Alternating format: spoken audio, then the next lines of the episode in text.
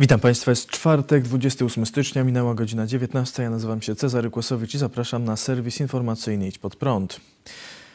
Rząd wczoraj, tuż przed północą, opublikował w Dzienniku Ustaw wyrok Trybunału Konstytucyjnego w sprawie aborcji. Wyrok wydany w październiku czekał na publikację aż 97 dni, choć Konstytucja stanowi, że wyroki Trybunału mają być publikowane niezwłocznie.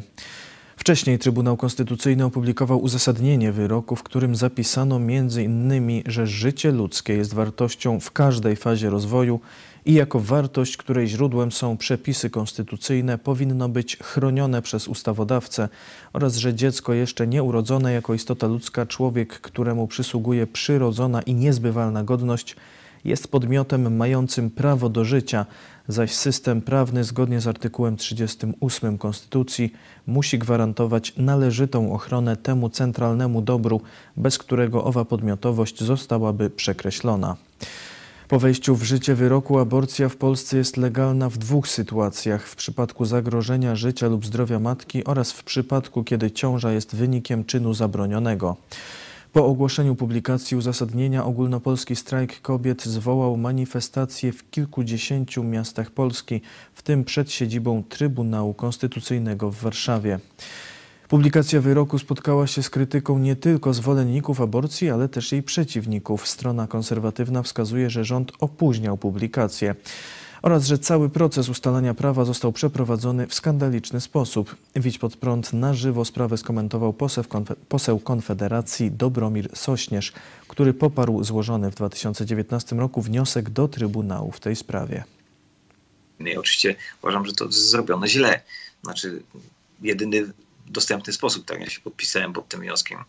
Nie, absolutnie tego nie, nie żałuję. Natomiast gdybym miał wybór, jak to należy zrobić, to oczywiście należałoby to zrobić inaczej. W ogóle od innej strony zacząć działanie, przygotować ust- y, to w formie ustawy, przygotować akcję informacyjną y, wcześniej na temat skutków tej, y, prawdziwych skutków tej ustawy, nie dać przejąć lewicy mm, narracji. To jest po prostu fatalnie, w fatalnym momencie zrobione, bo to trzeba było zrobić od razu na początku kadencji, kiedy nie było żadnego koronawirusa, kiedy nie, nie, te efekty negatywne by się nie nakładały. Tak? Przyszedłem w Katowicach się przejść, zobaczyć, jak wyglądał ten pierwszy marsz. Spotkałem sympatyków Konfederacji, którzy mówili, że dla nich to jest protest przeciwko PiSowi, po prostu przeciwko rządowi.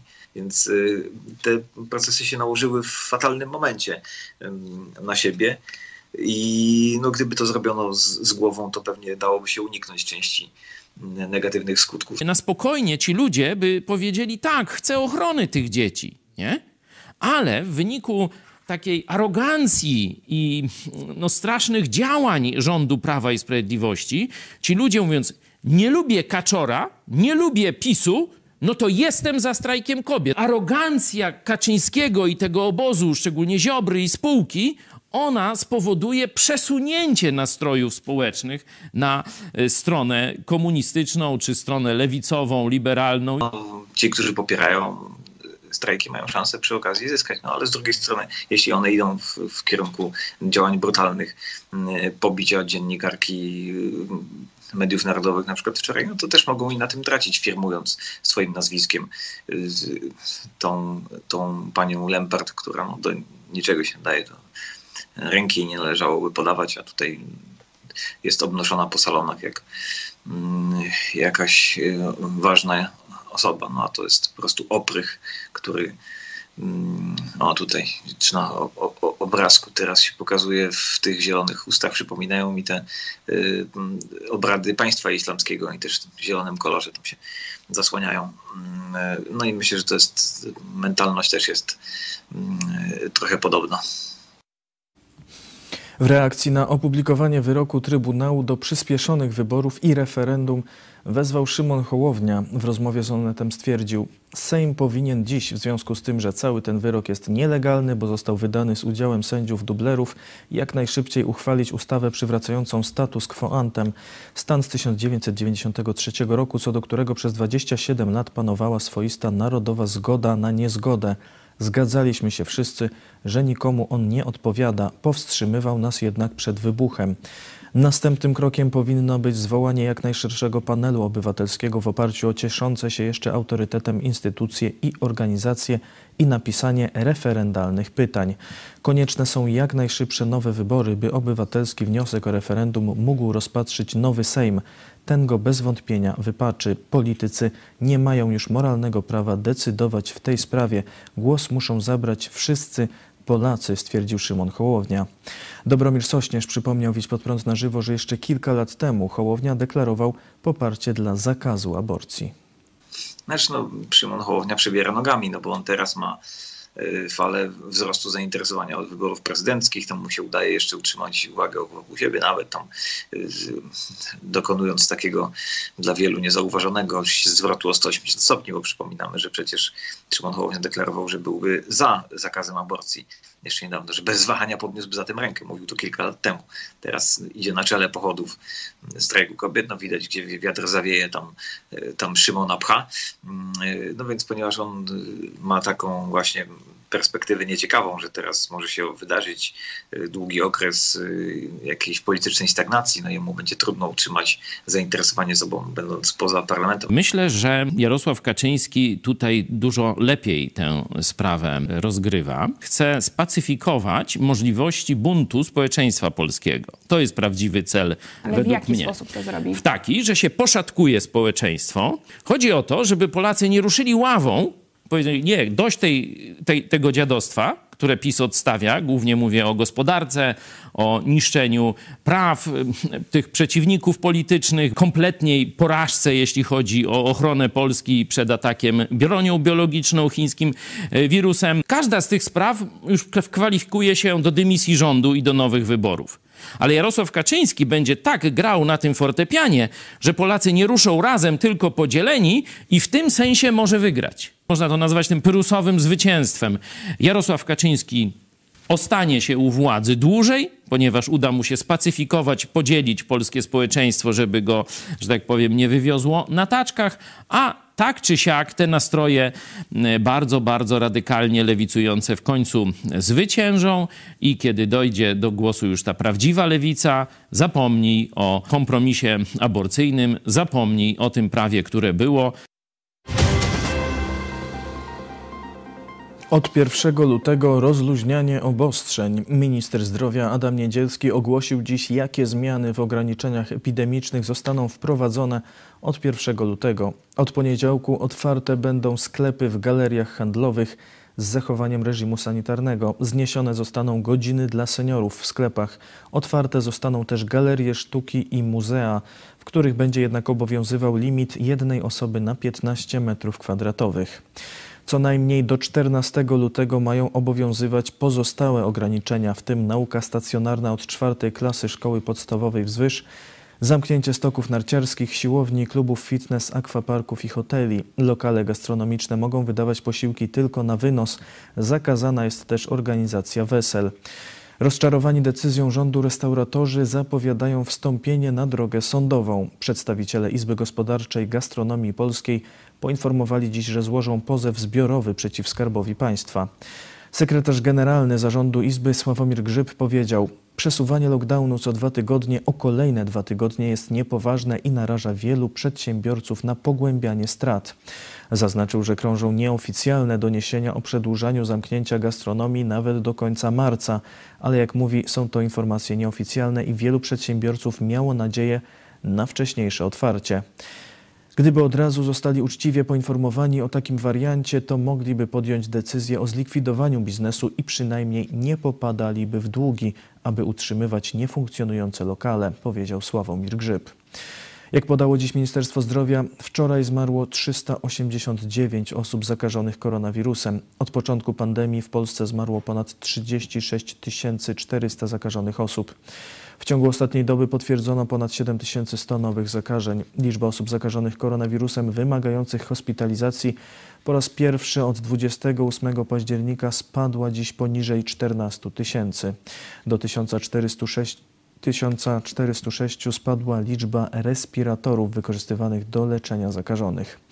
Do tej pory przeciw koronawirusowi wykonano już ponad 1 8 tysięcy szczepień. Szef kancelarii premiera Michał Dworczyk wczoraj wieczorem podał, że dwie dawki szczepionki przyjęło już prawie 150 tysięcy osób.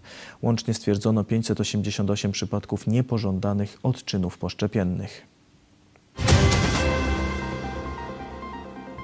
Już 2 miliony 190 tysięcy osób zmarło z powodu chińskiego koronawirusa na całym świecie. Tylko wczoraj zmarło ponad 16 800 osób, co było drugą najwyższą wartością od początku pandemii. O rekordowej dobowej liczbie zgonów z powodu koronawirusa poinformowała dzisiaj Indonezja, gdzie zmarło ponad 380 osób i Portugalia, gdzie zanotowano rekord 293 zgonów. Portugalskie Stowarzyszenie Lekarzy Intensywnej Terapii w Lizbonie poinformowało, że w związku z brakiem miejsc w szpitalach osoby zakażone koronawirusem będą transportowane z Portugalii do Hiszpanii.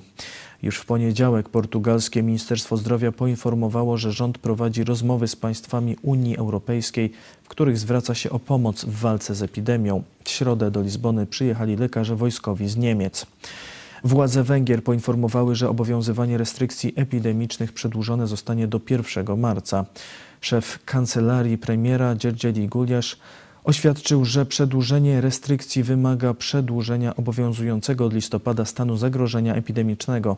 Dlatego do parlamentu trafić ma odpowiedni wniosek. Eksperci są zgodni, że jakiekolwiek rozluźnienie restrykcji przy braku szczepionki prowadziłoby ponownie do fali zakażeń oraz jeszcze większych obostrzeń w przyszłości. Na złagodzenie przepisów będzie szansa w dwóch przypadkach – jeśli rozprzestrzeniania się epidemii jeszcze spowolni i będzie mniej aktywnych infekcji. Drugie rozwiązanie, skuteczne i długoterminowe, to dysponowanie odpowiednią ilością szczepionki, powiedział Guliasz. Nowe zasady epidemiczne będą obowiązywały także w Norwegii, gdzie od piątku granice zamknięte będą dla osób nie mieszkających tam na stałe. Obcokrajowcy nie będą mogli wjechać na teren Norwegii do 12 marca. Media norweskie za złą sytuację epidemiczną obwiniają m.in. Polaków.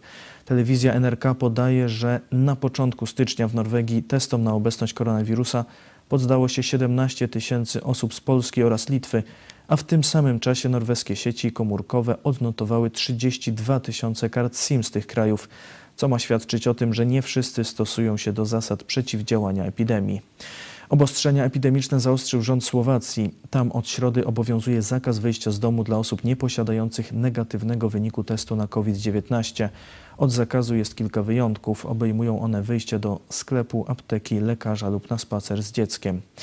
Restrykcje epidemiczne będą ostrzejsze też w Pekinie. Władze stolicy komunistycznych Chin ogłosiły, że na czas obchodów zbliżającego się święta wiosny oraz sesji parlamentu, czyli do 15 marca, każdy przyjezdny do Pekinu będzie musiał okazać negatywny wynik testu, a przez 14 dni od przyjazdu będzie poddany obserwacji, podczas której jeszcze dwukrotnie będzie musiał przejść test na koronawirusa. Całkowity zakaz wjazdu do Pekinu mają osoby mieszkające w chińskich regionach średniego i wysokiego ryzyka epidemicznego. W Stanach Zjednoczonych prezydent Joe Biden wydał zakaz łączenia koronawirusa z komunistycznymi Chinami w oficjalnych wypowiedziach administracji rządowej. W memorandum dotyczącym opisywania koronawirusa stwierdził, że mówienie o komunistycznych Chinach w kontekście koronawirusa naraża Amerykanów azjatyckiego pochodzenia na stanie się obiektem uprzedzeń rasistowskich. Retoryka zapalna i ksenofobiczna naraziła osoby, rodziny, społeczności i firmy z Azji oraz Pacyfiku na ryzyko. Takie oświadczenia podsyciły bezpodstawne obawy i utrwaliły piętno w stosunku do Amerykanów pochodzenia azjatyckiego i mieszkańców wysp Pacyfiku oraz przyczyniły się do wzrostu wskaźników zastraszania, nękania i przestępstw z nienawiści wobec osób azjatyckiego pochodzenia, stwierdził Biden. Australijski Instytut Polityki Międzynarodowej opublikował ranking, w którym przedstawił, jak 98 państw świata radzi sobie z pandemią chińskiego koronawirusa. Pierwsze miejsca zajęły Nowa Zelandia, Wietnam i Tajwan, a ostatnie USA, Iran, Kolumbia, Meksyk i Brazylia. Polska zajęła miejsce 65. Komunistyczne Chiny, w których stwierdzono pierwsze zakażenia koronawirusem w rankingu, nie pojawiły się w ogóle, ponieważ, jak tłumaczy Instytut, nie ma dostępu do wystarczająco wiarygodnych danych. To wszystko w tym wydaniu serwisu. Dziękuję Państwu za uwagę. Kolejny serwis jutro o 19. Życzę dobrej nocy. Do zobaczenia.